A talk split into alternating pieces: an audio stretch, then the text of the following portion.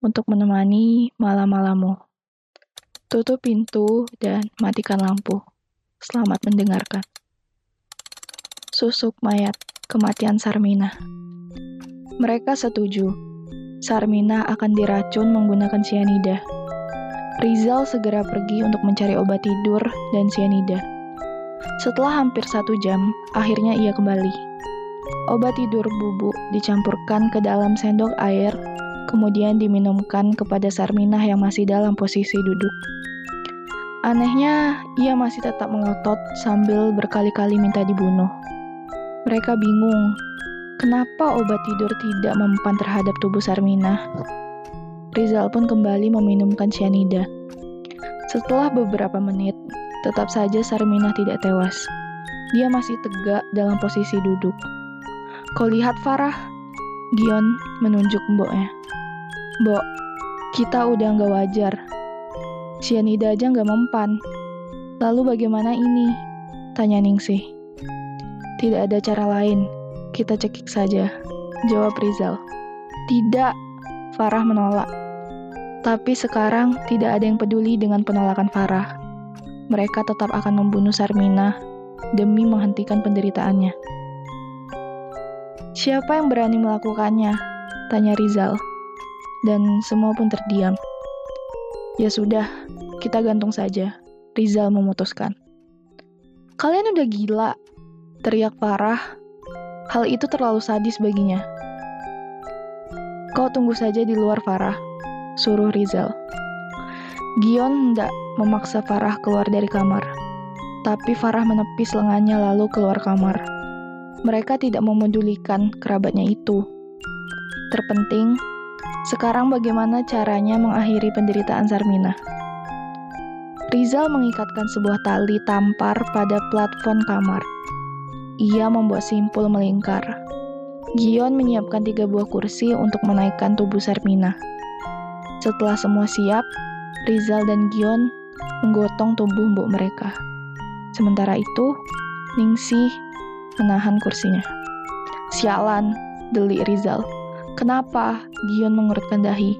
Pampersnya bocor. Perlahan tubuh Sarmina dinaikkan ke atas kursi. Sebuah tali dikalungkan di lehernya. Rizal masih menahan tubuh Sarmina dari bawah. Setelah semua sempurna, ia melepas pegangannya.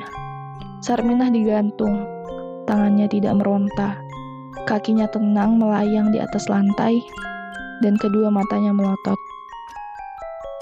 Ia tidak lagi berucap apa-apa. Setelah satu jam digantung, Rizal dan Gion menurunkan tubuh Sarmina. Mereka memeriksa detak jantung. Dan denyut nadi. Sudah tidak ada. Sarmina mati. Itu membuat mereka tersenyum bahagia. Akhirnya upaya mereka untuk mengakhiri penderitaan Sarmina berhasil. Sekarang bagaimana? Tanya Gion. Kita makamkanlah, Aku ingin ada pengajian dulu, sergah Farah. Walau bagaimanapun, ia tetap sayang pada mboknya. Ya sudah, terserah mau kau. Farah beranjak ke kediaman Pak Sudarjo, ketua RT, untuk mengumumkan kepada warga kalau Mbak Sarmina sudah meninggal. Pak Sudarjo sempat kaget mendengar berita tersebut. Sudah sekian lama Sarmina sekarat. Ia bergegas ke musola untuk mengumumkan kematian Sarmina. Malam itu juga, warga berkumpul di rumah Sarmina. Surat Yasin dibaca bersama-sama, dilanjutkan tahlil. Pak Sudarjo kemudian membacakan doa untuk Sarmina. Namun, ketika sedang dibacakan doa, lengan Sarmina yang sudah ditata untuk berdekap tiba-tiba jatuh ke lantai.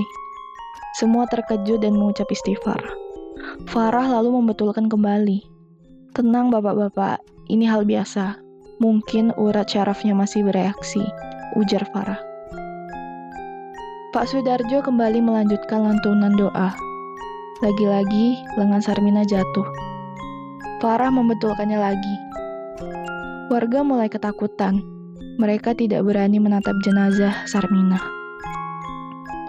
Tak lama berselang, terdengar suara gong dipukul dari kamar. Itu membuat semua orang yang hadir di sana berteriak kaget. Dan Saat itu juga, jenazah Sarminah melesat terbang begitu saja sambil tertawa terbahak-bahak. Kain yang menutupi tubuhnya berhambur ke mana-mana. Tubuhnya seperti menguap menembus langit-langit rumah. Ia menghilang. Itu membuat semua orang lari terbirit-birit ketakutan. Mereka pasti akan mengingat suara tawa Sarminah yang terbahak dan besar itu. Jenazahnya tidak pernah ditemukan lagi. Rumah itu menjadi sangat angker. Setiap malam, suara tawa Sarmina selalu terdengar di langit-langit rumah itu dan membuat warga ketakutan.